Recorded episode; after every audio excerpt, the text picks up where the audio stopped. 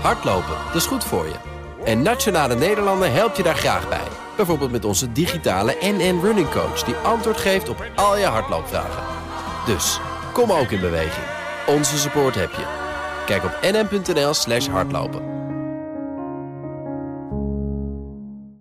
BNR's Big Five van het duurzaam bouwen... wordt mede mogelijk gemaakt door Heijmans. Makers van een gezonde leefomgeving. BNR Nieuwsradio. The Big Five. Diana Matroos. Bestaande huizen verduurzamen, onze steden tegen water en hitte beschermen... en ook nog eens bijna 1 miljoen extra woningen bouwen... terwijl de ruimte schaars is en onze natuur kwetsbaar. De bouwwereld en alle stakeholders die daarbij betrokken zijn... staan voor een monsterklus. En ik ben heel erg benieuwd hoe ze dat nou aanpakken. Welke obstakels moeten ze daarbij overwinnen? En hoe wonen we nou straks met z'n allen? En daarom ga ik deze week elke dag een uur lang de diepte in... met vijf hoofdrolspelers in BNR's Big Five van het duurzaam bouwen. En ik sluit de week af met Jacqueline Kramer. Zij is hoogleraar duurzaam innoveren aan de Universiteit Utrecht. En daarnaast probeert ze als voorzitter van het Betonakkoord en het Bouwakkoord Staal deze sectoren te verduurzamen. Maar natuurlijk kennen we haar ook als oud-minister van Volkshuisvesting, Ruimtelijke Ordening en Milieu, kort gezegd Vrom. Jacqueline, ontzettend fijn dat je er bent. Ja, leuk hier te zijn. We tutoyeren, we kennen elkaar ook eh, goed, dan begrijpt iedereen dat. Uh, overigens, Vrom die M van Milieubeheer, die is er na jouw tijd van afgevallen. Enig ja. zonde? Zeker. En niet alleen dat, ruimtelijke ordening was ook uh, zo goed als verdwenen. Dus uh, ik ben heel blij dat in ieder geval ruimtelijke ordening nu zeker in het kader van de woningbouw, weer meer aandacht krijgt. En dus ook in de titel zit van het ministerie. Er zit ook een heel verhaal achter, want uh, je hebt ook uh, wel wat dingen gezien die uh, jij eigenlijk al hebt uitgedacht, die over de rand zijn gegaan. En daarmee worden we nu met problemen geconfronteerd. Gaan we het straks over hebben. En natuurlijk ook hoe je die conservatieve beton- en staalwereld toch kunt transformeren naar een duurzame wereld. Maar voordat ik dat ga doen, wil ik eerst twee dingen van je weten. Allereerst, waarom kunnen we nog altijd niet zonder beton en staal? Terwijl we weten dat het ontzettend veel CO2 uitstoot. Ja, we kunnen ook nog met hout bouwen. En, uh, maar we hebben een heleboel zaken die we moeten bouwen. die niet alleen van hout kunnen, of van biobased materialen. En staal en beton in de wereld zijn de grote materiaalstromen.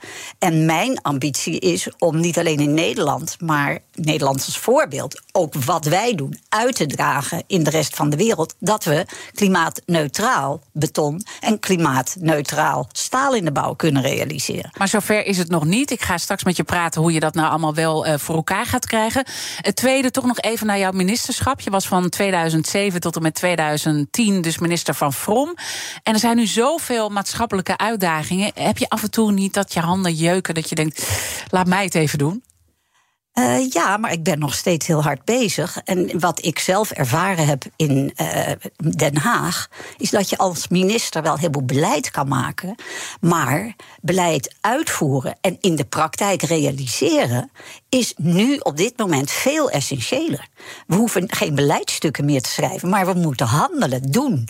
En dat ben ik nu, sinds ik minister af ben, ook de hele tijd aan het doen. Ja, en daar gaan we ook over praten. Je hebt er ook een boek over geschreven, ja. hè, waar je ook uh, vertelt hoe je zo'n transformatie uh, voor elkaar krijgt. Deze week heb ik al vier gasten geïnterviewd. En eigenlijk zeggen ze allemaal: willen we de verduurzaming en de enorme woningbouwopgave goed van de grond krijgen, dan moeten we echt weg uit dat sectordenken en veel meer in de keten gaan samenwerken. Echt vanuit een netwerk. Volgens mij is dit ook echt jouw punt. Helemaal. helemaal mee eens. Helemaal ja. mee eens. Ja, want we zitten allemaal in silo's mm -hmm. in de bouw. En ook elke stap in het proces in de bouw is een stap. En dan geeft men bij wijze van spreken de hamer over aan de volgende. En de andere is niet meer aansprakelijk. Dus iedereen heeft zijn eigen deeltje geoptimaliseerd en zeker gesteld om uh, aansprakelijkheden en risico's te vermijden. Nou, als je echt dit wil veranderen, dan zul je hele andere nieuwe rollen moeten uh, formuleren die je in de praktijk brengt. Hoe werk je samen? Mm -hmm. En hoe zorg je dat je al vanaf ontwerp en constructie tot en met uitvoering werkt vanuit een keten die gezamenlijk dat doel bereikt. En dus ook de duurzaamheidsdoelen. En die niet onderweg verliest. En waarom vinden we dat nou zo lastig om op die manier uh, met elkaar samen te werken? Nou, omdat er heel veel bedrijven bij betrokken zijn. En als je kijkt naar wat het grootste probleem voor bedrijven is, is. Uh, het ja, risico's. En dus iedereen wil vermijden dat zij in hun schakelen in de keten een probleem krijgen. En dat dekken ze af en schermen ze af. Want ja, dat kan je wel voorstellen als je denkt, nou, hier wil ik niet verantwoordelijk voor zijn, want wat daar verderop gebeurt, geen idee. Nou, dan moet je ook gaan zeggen van dan moeten we het ook collectief maken. Nou, dat, dat is echt een cultuurverandering hoor, van je welst. Ja. Maar ik heb een hoop dat ook als we op een andere manier gaan werken in termen van meer industrialiseren, dus dat je, wij spreken wat je nu ook meer ziet, prefab en, en ook standaard modellen voor elementen in de mhm, bouw, mhm. dan kan je veel meer als een soort Lego blokkensysteem gaan werken. En dan kan je ook de sturing uh, alleen daar al door veel uh, strakker maken. En als je dan ook nog zorgt dat de kosten en baten over die keten goed verdeeld zijn, ja, dan kan je ook echt grote sprongen maken. Maar ja, we moeten daar echt in de praktijk van leren hoe dat moet. Ja. En dan het uitrollen. Dat is mijn aanpak. Ja, je hebt niet alleen een boek erover geschreven, maar je bent natuurlijk ook uh, voorzitter van het Betonakkoord. Hè. Dat begon ongeveer vier jaar geleden. Uh, daar heb je uh, als voorzitterschap ook nog eentje aan toegevoegd. bouwakkoord staal. Maar laten we eerst even bij dat Betonakkoord, want het loopt wat langer. Heb je daar ook precies die problemen die je net beschrijft gezien? Dat het gewoon heel erg lastig was om er samen uit te komen. Het is een conservatieve wereld ook. Ja, het, woord conservatief heeft een, een, bijsmaak. Maar wat het is, is men is heel erg gewend om op een bepaalde manier beton te maken en samen te werken in die hele keten. En omdat het zo veilig is en omdat men alle risico's al uh, heeft af weten te dekken, is het heel moeilijk om een kwaliteitssprong te maken waarbij men een aantal zekerheden moet loslaten. En transities houden in dat je niet alles zeker meer weet. En een sector die heel erg gericht is op precisie, uh, geen uh, fouten maken in berekeningen, die willen alles proberen dicht te timmeren, terwijl een transitie dat niet is. En, het is ook wel begrijpelijk natuurlijk. Heel dat begrijpelijk. vanuit de precisie waarmee ze altijd die hoge kwaliteit hebben geleverd. Ja, dus dat wil ik voorop zeggen. En dan is de vraag: oké, hoe krijgen we nou de mensen met deze achtergrond wel mee in een veranderingsproces waar een aantal stappen in zitten waar ze niet zeker van zijn. En hoe is dat gelukt dan? Of tenminste, ik weet niet of het gelukt is. Hoe... Nou, we zijn heel ver. Mhm. Ehm, ik kan dat kort toelichten. Kijk, ik kwam uh, uh, als voorzitter binnen toen het akkoord was getekend. En het akkoord was getekend vanuit ons ouderwetse poldermodel zeg ik er even bij. En wat betekende dat? Dat we probeerden met elkaar op het gebied van bijvoorbeeld CO2-reductie doelen vast te stellen waar iedereen het mee eens kon zijn. Nou, en doelen moeten gehaald worden. Hè. Als je dat stelt in 2030, dan gaat iedereen zitten weer op die zekerheden. Nou, dit halen we zeker wel. En dan krijg je dus een laag ambitieniveau. Mhm. En dat is die mensen niet te verwijten, want zo werkt het systeem om uh, je eigen uh, risico's af te dekken ik kwam binnen en dacht, ja, hoe ga ik nou starten? Toen zei ik, laten we nou eerst eens in kaart brengen wat in principe mogelijk zou zijn. Wat is er in de markt? Misschien niet nog zichtbaar aan koplopers die dingen doen die heel anders zijn. Laten we dat nou eens in kaart brengen en dan gaan berekenen hoe ver we in uh, CO2 kunnen reduceren in 2030 hè, in de tijd. Ja. Toen bleek het veel meer te kunnen zijn. Dat was voor mij een eye-opener ook met andere materialen werken. Even voor de luisteraars. Je, beton bestaat uit zand, grind en cement. En cement is het meest CO2. Uh, eh, ja, uh, dat is het probleem van probleem. het hele betonverhaal. Ja, ja. omdat in de productie daar enorme hoeveelheden zijn. En wereldwijd, even ook voor de luisteraar, uh, is dat hele betonverhaal volgens mij 7% van de CO2-uitstoot wereldwijd. Dat klopt. Alleen al voor beton, hè? Ja. Beton, wetende dat er natuurlijk enorme volumes gebouwd worden. Ja, dus volume moet je wel meerekenen. Nou, en in Nederland is het minder, maar dat heeft ook te maken met dat we al aan het innoveren waren. Dat is mooi. Nou, uh, wij uh, hebben toen uh, gezegd: oké, als we dit weten, hoe kunnen we dan een pad uitzetten om die nieuwe ontwikkelingen ook groot en, en breed in die markt te krijgen? En dat is het grote probleem van transities. Je hebt vernieuwers die zitten, wat wij dan noemen, in een niche. En de spelers die doen wat er altijd moet worden gedaan, die zitten in de gevestigde partijen. Ja. En hoe breng je die nou met, bij elkaar? Ik heb gezegd, het zou veel beter zijn als we de koplopers in de lead zetten. The Big Five. Diana Matroos. Mijn gast is oud-minister van Vrom, Jacqueline Kramer. Nu is ze hoogleraar duurzaam innoveren aan de Universiteit Utrecht. En voorzitter van het Betonakkoord en voorzitter van het Bouwakkoord Staal.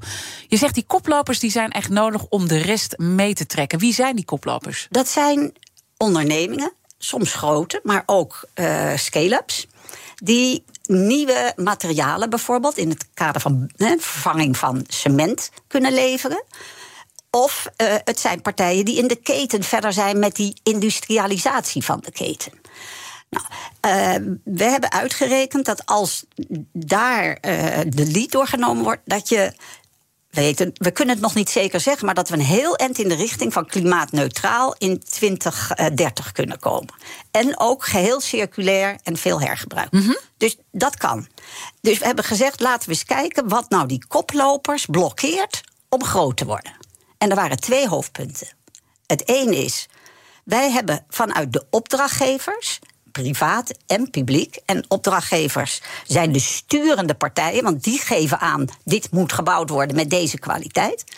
Als die opdrachtgevers duidelijker zijn over wat ze eisen in de loop van de tijd, dan kunnen wij daarop anticiperen en dan weten wij dat onze investering het geld waard wordt. En Want, heb je het dan over de overheid die duidelijker moet zijn? Jazeker. Ja. Want uh, nu is het zo dat er wel opdrachtgevers zijn die duurzaamheidseisen stellen. Maar iedereen doet wat anders. En een heleboel doen heel weinig. Dus er is geen prikkel vanuit die opdrachtgevers dat het een bepaalde richting op gaat. En in het bedrijfsleven is het zo: ze willen best veranderen, maar dan moet het een pad zijn voor tien jaar bijvoorbeeld.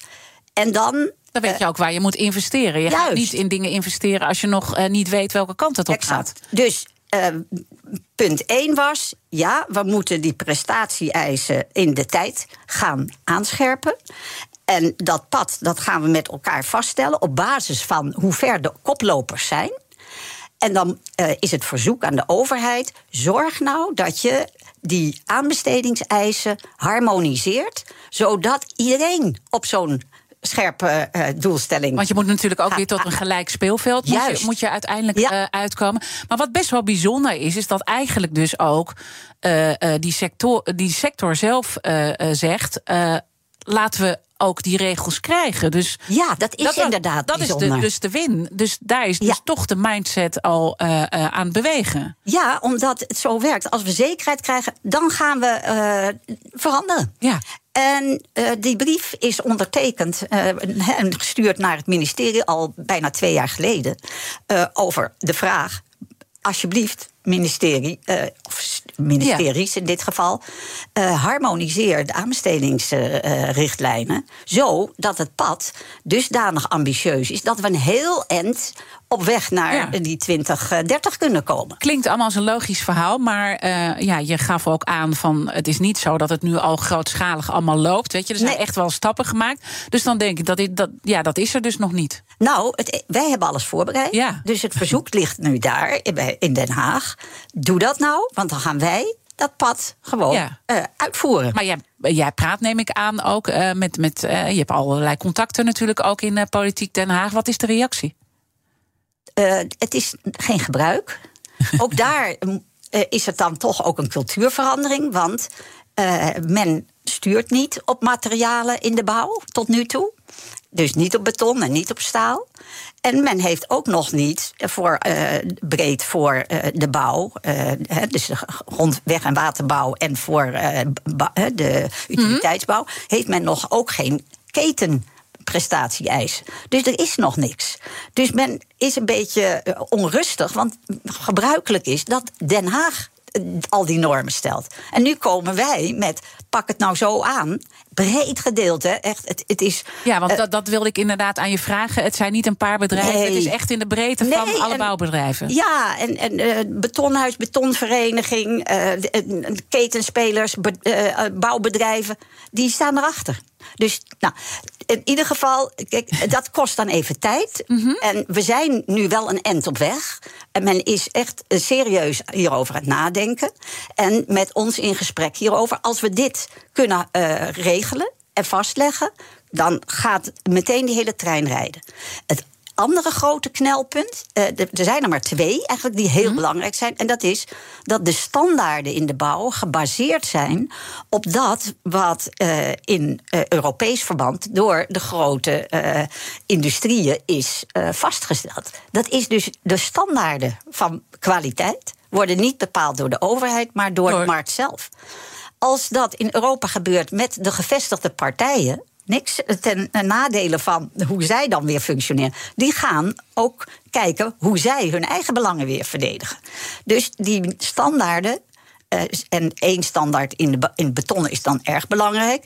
Die bepalen bijvoorbeeld dat er een, een hoeveelheid cement in elk beton moet zitten. Ja, en dat is nou juist eh, dat slechte stofje. I- Hè, nou- wat zorgt voor de CO2-uitstoot. Dus wel voor heel goed eh, beton. Maar dat is een, een Europese kwaliteitseis. Dus Ja. juist die partijen die proberen dat materiaal te verduurzamen. Hè, want dat kan je met een aantal andere stoffen doen. Dat, dat zit dan dus niet in die checklist van die kwaliteitseisen. Nee, dus dan kom je er niet doorheen. Dus wat waren de twee hoofdpunten van de koplopers? Eén, we hebben geen zekerheid. We willen duidelijkheid in, hè, van een pad, dat zei ik net. En tweede is, wij willen eh, beoordeeld worden op de prestatie die we leveren voor de toepassing die nodig is. En wat we nu doen, is we hebben in voorbereiding een kwaliteitsbeoordeling beton op prestatie. Die wordt gezet naast de standaardbeoordeling. En daarmee kan je van de certificeerders dus ook een bewijs krijgen van dit Ja, voldoet dus het is aan de kwaliteit. echt, je moet in dat woud van allerlei eh, regelgeving... moet je dan weer een opening vinden. En, Ja. en, en die is er eigenlijk. Eh, maar ik begrijp dat eh, in het betonakkoord ook bepaald is... dat beton vanaf 2023 verplicht duurzaam moet zijn bij aanbestedingen. Dat is al over twee maanden. Ja, maar wat is duurzaam? Kijk, wij hebben gezegd, wij, gaan het pad al in. Ja. In 23 hebben we al een eerste mijlpaal van waar eh, in principe alle opdrachtgevers aan moeten voldoen.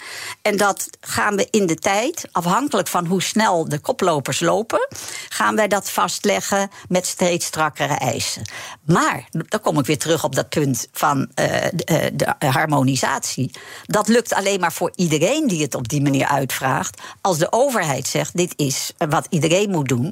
Eh, en dat is wat, wat maakt dat we sturen naar een gemeenschappelijk doel. En, of een ambitie, Ja, liever gezegd. Snap je? Dus Frustreert het je dat dat zo lang duurt... terwijl eigenlijk de sector er klaar voor is?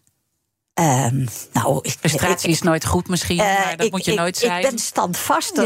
Ja. Maar Ja. want ik zie gewoon dat dit kan. En dat dit enorme eh, consequenties kan hebben als we dit doen. In termen van eh, verbetering van de Ja, duurzaamheid. En dus hoe alleen- kijk jij naar die, naar die politiek waar je zo zelf zo lang in rondgelopen hebt? Nou ja, ik ken het mechanisme. Dus ik begrijp hun punten ook wel. Eh, want ik weet hoe het werkt. Eh, maar soms moet de politiek ook op een andere manier kijken naar problemen. En, en dat is mijn hoofdpunt eigenlijk. Ik werk in die netwerken, hè, dus ik stuur netwerken. Maar ik wil in interactie zijn met de Rijksoverheid en ook met eh, de lokale overheden.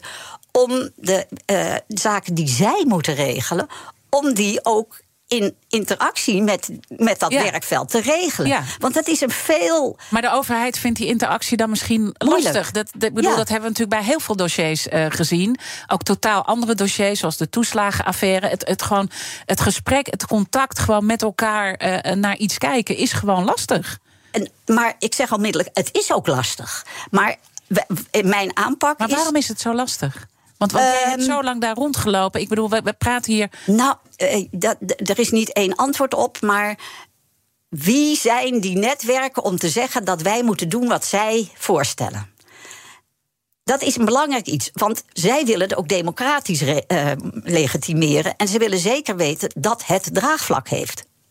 Maar eh, het punt is, die netwerken moeten zo georganiseerd worden, en dat probeer ik dus, dat dat draagvlak eh, er is. Want anders heb ik geen handtekeningen Ja, voor zo'n brief. Maar dan gaat het dus over vertrouwen. Het gaat, ja, dat gaat ook over vertrouwen. En een interactie met diegene waar, waar eh, ook het mee mogelijk moet zijn om grote transities snel, hè, want ik, ik wil ook snel. Ja, je hebt haast. In, ja, Ja. in- want het is natuurlijk eh, een super urgent probleem waar we voor staan. Straks eh, laten we er dan over verder praten. Voormalig minister en duurzame aanjager Jacqueline eh, Kramer. Dan praten we nog wat verder over die rol van de overheid. En ook de druk eh, van buiten. Want we zien allerlei milieuorganisaties rechtszaken voeren. Of dreigen met rechtszaken. Ook vandaag weer als het gaat over het Binnenhof. Blijf luisteren. Hardlopen, dat is goed voor je. En Nationale Nederlanden helpt je daar graag bij. Bijvoorbeeld met onze digitale NN Running Coach... die antwoord geeft op al je hardloopvragen. Dus, kom ook in beweging. Onze support heb je. Kijk op nn.nl slash hardlopen. Business Booster. Hey ondernemer, KPN heeft nu Business Boosters. Deals die jouw bedrijf echt vooruit helpen. Zoals nu, zakelijk tv en internet, inclusief narrowcasting... de eerste 9 maanden voor maar 30 euro per maand. Beleef het EK samen met je klanten in de hoogste kwaliteit. Kijk op kpn.com slash businessbooster. Business Booster. BNR Nieuwsradio. The Big Five. Diana Matroos. Welkom bij tweede half uur. Deze week spreek ik met vijf kopstukken uit de wereld van het duurzaam bouwen. Eerder deze week sprak ik met de Rijksbouwmeester van Nederland, Francesco Veenstra, over het verduurzamen van het Rijksvastgoed. Dit gesprek is terug te luisteren via onze BNR-app. Mijn gast vandaag is Jacqueline Kramer, oud-minister van Volkshuisvesting, Ruimtelijke Ordening en Milieubeheer. En tegenwoordig is ze hoogleraar duurzaam innoveren aan de Universiteit Utrecht. En daarnaast is ze voorzitter van het Betonakkoord en het Bouwakkoord Komend half uur, Jacqueline, wil ik heel graag nog eh, twee onderwerpen met je bespreken. Namelijk hoe verstandig het was om het ministerie van VOM op te splitsen. Nou, daar heb je al een tipje van de sluier opgelicht. Niet verstandig, eh, maar straks horen eh, wat daar nog meer allemaal achter schuilt. En op welke manier Den Haag meer sturing moet geven aan de bouwsector. Ook als het bijvoorbeeld over de staalsector gaat. Want ook daar heb jij het nodige over te zeggen. We gaan zo meteen met het laatste beginnen. Maar eerst nog even de kettingvraag. In de vorige aflevering sprak ik met Silvo Thijssen, directeur van Staatsbosbeheer. En die had een eh, vraag voor jou. Ik heb, eh, ik denk een jaar of 15 geleden, een mooie lezing van, eh, van Jacqueline gehoord. En dat ging over industrial ecology. Dus circulaire relaties tussen bedrijven. En waar het afval van de een, zeg maar, de grondstof is voor het ander. En ik, ik was eigenlijk wel heel benieuwd. En, en toen zeer ja, ge- geïnteresseerd geraakt. En was eigenlijk benieuwd welke randvoorwaarden en condities. Of sturingsparameters zijn er nou voor de ruimtelijke ordening nodig. om dat eh, verder zeg maar, eh, op gang te brengen. Want ik heb de indruk dat het ook op dat punt wel eens is blijven hangen. Dus mijn vraag is duidelijk, denk ik, welke sturingsparameters voor de ruimtelijke ordening zou je voor die industrial ecology willen kunnen benoemen? Oh, wat een leuke vraag. Ehm, kijk, toen ik minister was, had ik ruimtelijke ordening in mijn portefeuille, maar ik was ook minister van Milieu. En wij hadden geld om te sturen waar het ging om grote eh, ruimtelijke ordeningsprojecten. En bij eh, de eh, financiering had ik als voorwaarde dat ze moesten kunnen aantonen dat duurzaamheid ook structureel in het hele, de hele bouwopgave, maar in de gebiedsgerichte opgave, eh, vast verankerd. Op zo'n manier dat er ook duidelijke duurzaamheidsstappen gemaakt werden.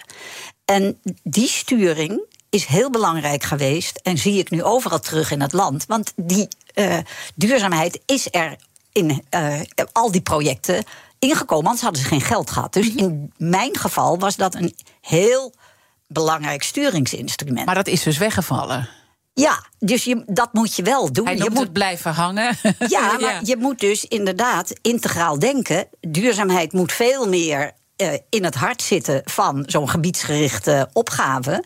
En dan moet je eh, bepalen met elkaar op welke manier die eh, duurzaamheidsopgave gecombineerd kan worden met alle andere eisen die ook in de ruimtelijke ordening van belang zijn. En dan het optimale daar eh, uithalen Ja, dus het met die eigenlijk ambities ook die je wil. wat we net in het eerste half uur beschreven hebben, waar, je, waar ook de sector, de, de, de betonsector, ook zo naar op zoek is. Juist, want in, eh, in een betonketen, maar ook in een staalketen, zul je eh, m- rekening moeten houden met een heleboel aspecten, maar ook met die duurzaamheid. En eh, als je dat eh, ook in de sturing van opdrachtgevers verankert, zowel op het niveau van het materiaal, maar ook op het niveau van ontwerpen en constructie, dan stuur je dus daarmee de duurzaamheid enorm. Ja, Da- ja. Dat is echt de sleutel. En wat ik zo leuk vind bij eh, eh, het bouwakkoord staal, waar ik nu sinds een klein jaar bij betrokken is, is dat zij mij belden en zeiden: Goh, je bent bezig met beton, Jacqueline, en eh, we horen daar goede verhalen over. Kan je het bij- bij ons ook doen? nou, fijn. Ik zei: Weet je wat? Ik wil het wel doen.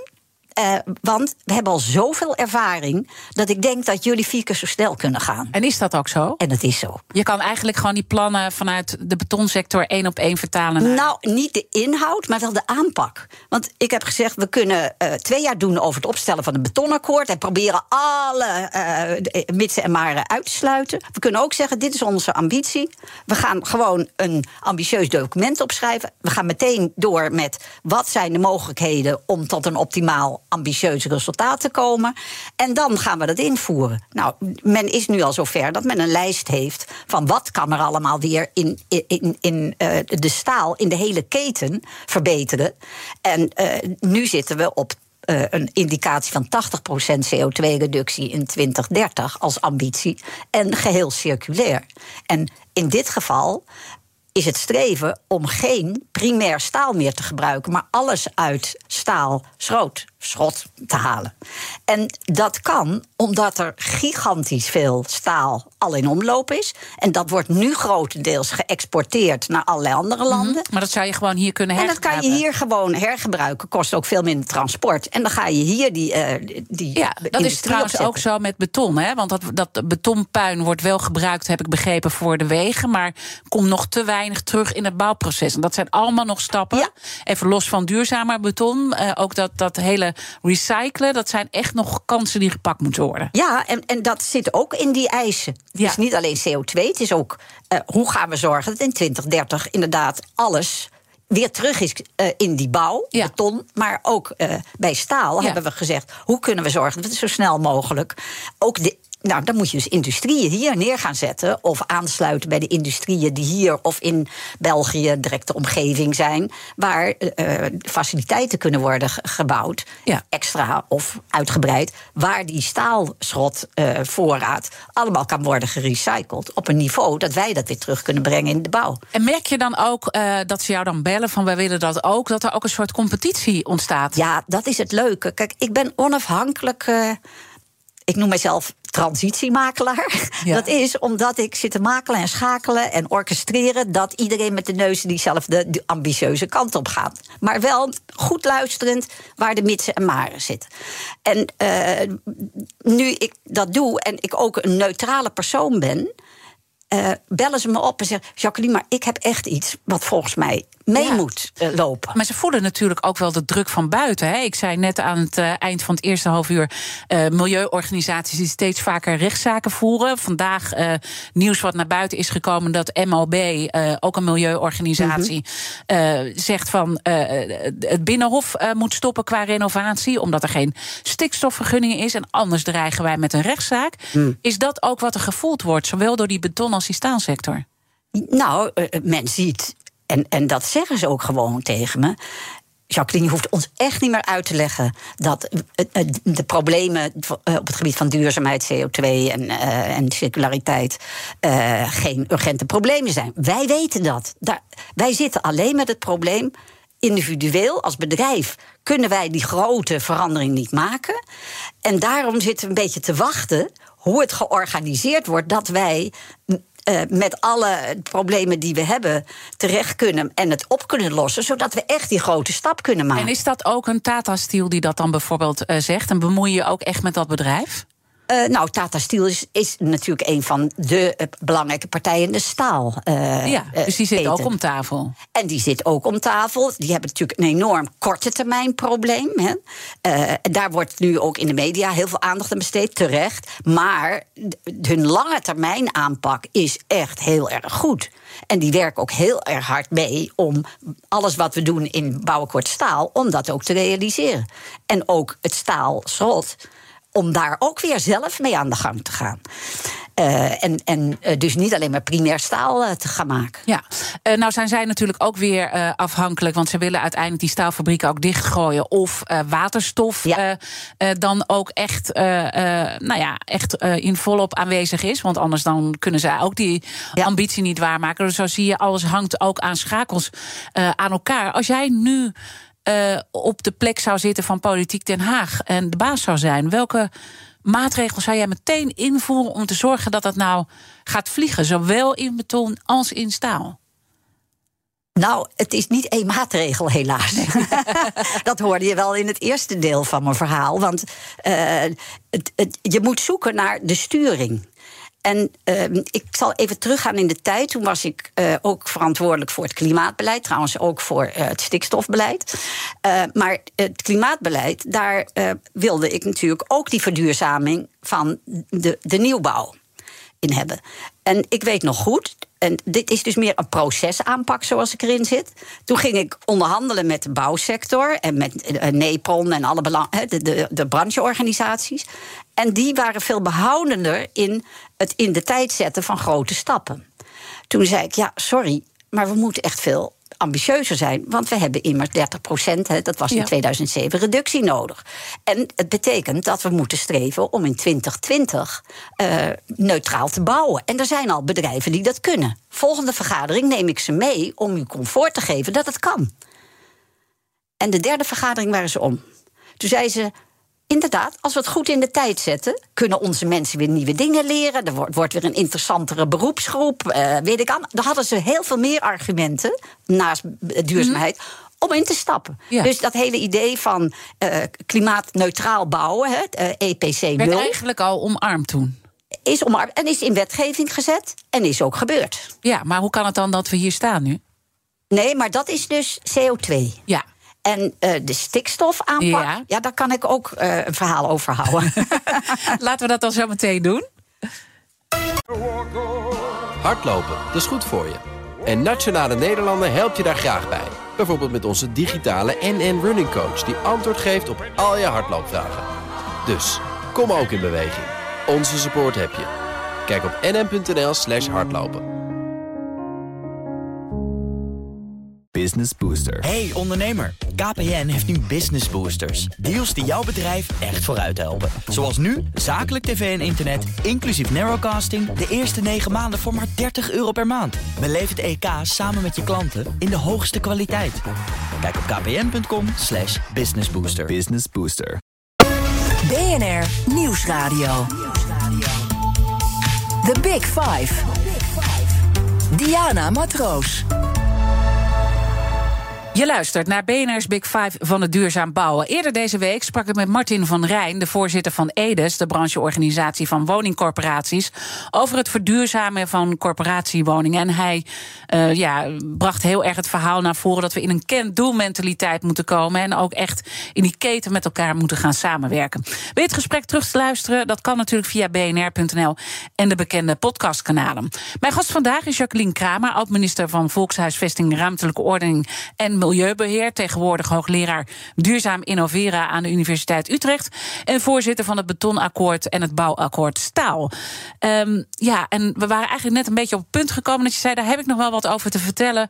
Al die jaren geleden. Je stopte mhm. in 2010 natuurlijk als minister uh, van From. Toen zijn er een paar dingen gebeurd en daar wil ik graag nog even wat over zeggen. Nou, toen ik aantrad in 2007, werd uh, het kabinet ook geconfronteerd met een stikstof- en een fijnstofprobleem.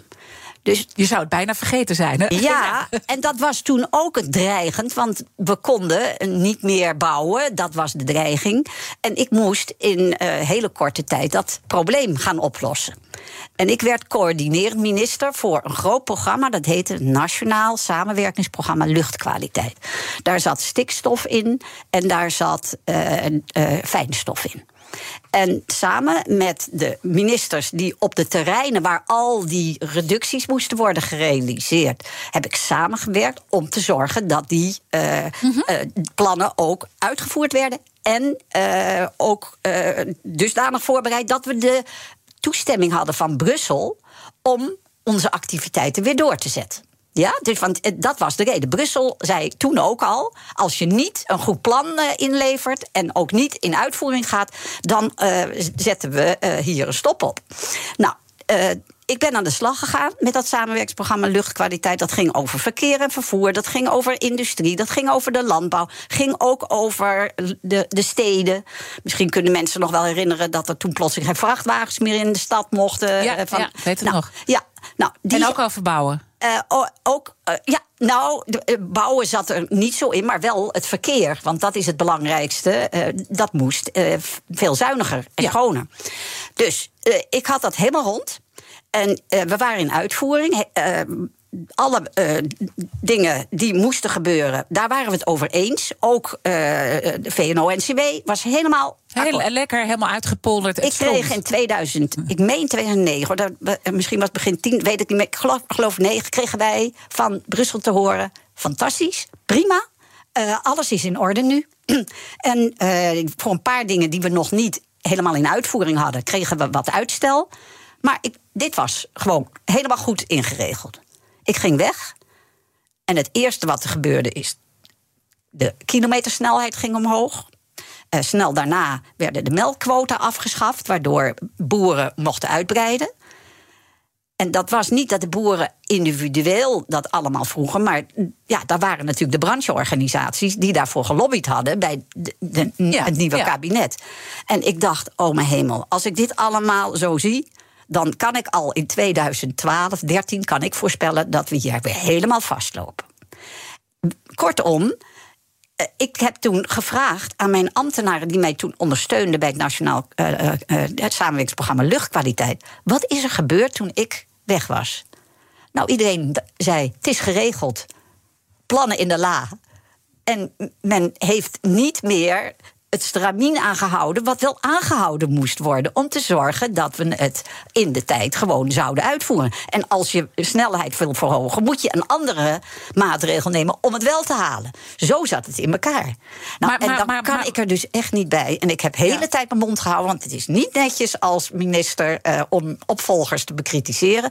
Maar ik had zo ontzettend op een gegeven moment een hopeloosheid van waarom kan op terreinen waar het echt noodzakelijk is om consistent beleid aan te houden, omdat we anders in problemen komen. Waarom is dan de politiek niet in staat om dat door te zetten op een manier waardoor het nu echt. mis- misschien waren er nog wel problemen, maar lang zo groot niet. Maar ik, ik val bijna van mijn stoel als je dat zegt. Zeker als je ziet welke problemen we nu eh, moeten ondergaan. met alle spanningen die dat geeft eh, Ja, in, de, in de samenleving. Alles loopt zo'n beetje eh, vast op dit punt.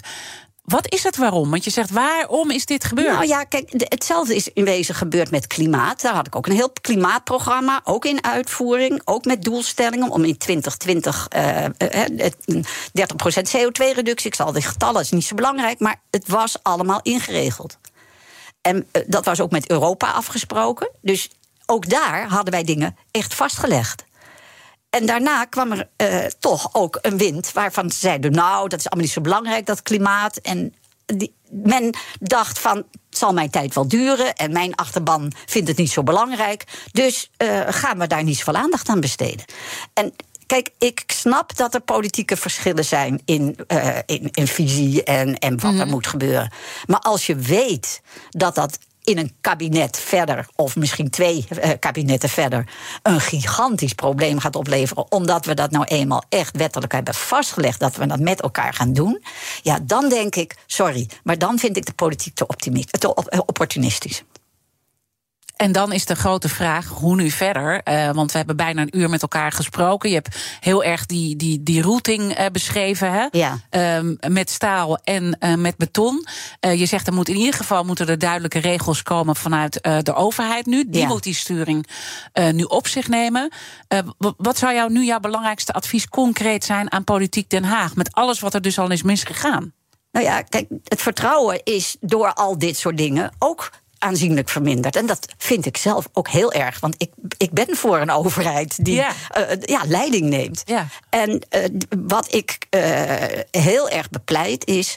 Gebruik de kracht van de samenleving. Gebruik de kracht van de mensen in de samenleving die weten wat er kan. Die koplopers of burgers die zich organiseren. En neem ze serieus in wat ze kunnen en hoe zij ook mee kunnen helpen om de doelen te bereiken die de overheid wil. Dus maak netwerksturing, zoals ik dat werk noem, maak dat onderdeel van eh, het beleid waar jij zelf ook als overheid wat aan hebt. En ga niet met de rug tegen de samenleving in staan. Zet de deur open. Zet de deur open, maar weet wel hoe je die netwerken eh, eh, ja, zo organiseert dat het niet weer eindeloos polderen wordt, maar dat de vernieuwing die in die netwerken zit, dat die bepalend wordt van wat er met elkaar gaat gebeuren. En want ja, dan krijg je vooruitgang. Ik hoop dat ze dat eh, eh, gaan doen, want de urgentie is toch wel eh, duidelijk. Ja. Met alle rechtszaken die er nu worden het is gevoerd. Want, verschrikkelijk. want die gaan uiteindelijk afdwingen dat het gewoon gaat gebeuren. Ja, met, met, en, en, en, en dat is een hele harde eh, tijd dan ook voor al die mensen die daarbij hebben, al die bedrijven die daarbij betrokken zijn. Oh, maar ik vind het vreselijk voor de individuele boeren. Hè? Eh, ik wil, mij zul je niet horen zeggen. eh, eh, de boeren eh, moeten, weet ik veel wat. Het zijn meestal de politieke lobby's eh, en, de, en de politieke krachten die maken dat, dat er nu dit gebeurd is. Hè, op het gebied van stikstof heb ik dat uitgelegd. En dan denk ik bij mezelf: oh jee. Hoe kunnen we zorgen dat eh, mensen weer vertrouwen krijgen in de politiek? En hoe kunnen we de mensen ook weer een perspectief bieden? Ook al is het een onzekere tijd, helaas. Wij kunnen niet precies zeggen hoe we het allemaal gaan doen, maar dat het moet, dat we moeten verduurzamen, is gewoon klinkklaar duidelijk. Mijn gasten stellen elkaar vragen via de kettingvraag. En natuurlijk gaat die eh, kettingvraag door. En misschien moeten toezichthouders hier ook maar een rol gaan spelen. om de boel in, eh, de, eh, ja, in beweging te krijgen. Want dat is het nieuwe thema van volgende week. De toezichthouders.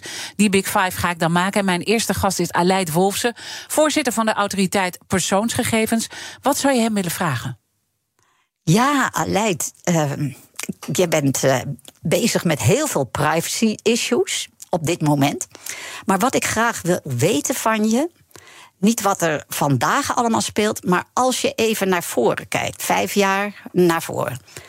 En ons dan zegt: dit worden de twee grote privacy issues waar we nu nog veel te weinig aandacht voor hebben. Welke twee zijn dat dan? Hele mooie vraag. Dat ga ik hem zeker stellen uh, maandag. Dank Jacqueline Kramer, oud-minister van Vrom. En tegenwoordig hoogleraar duurzaam innoveren aan de Universiteit Utrecht. Maar heel belangrijk, dus ook die voorzitter van het Betonakkoord en het Bouwakkoord Staal. Dank dat je mijn gast wilde zijn. Uh, alle afleveringen van BNR's Big Five zijn zoals altijd terug te luisteren. Abonneer je gewoon op onze podcast via onze app of je favoriete podcastkanaal. Dan weet je in ieder geval zeker dat je geen aflevering mist. Maar heel belangrijk, blijf uh, live op deze zender. Zometeen Kees Dorenstein met BNR Breekt. Ik wens je een mooie dag en een prachtig weekend. BNR's Big Five van het duurzaam bouwen wordt mede mogelijk gemaakt door Heijmans. Makers van een gezonde leefomgeving. Business Booster. Hey ondernemer, KPN heeft nu Business Boosters. Deals die jouw bedrijf echt vooruit helpen. Zoals nu, zakelijk tv en internet, inclusief narrowcasting... de eerste 9 maanden voor maar 30 euro per maand. Beleef het EK samen met je klanten in de hoogste kwaliteit. Kijk op kpn.com businessbooster. Business Booster.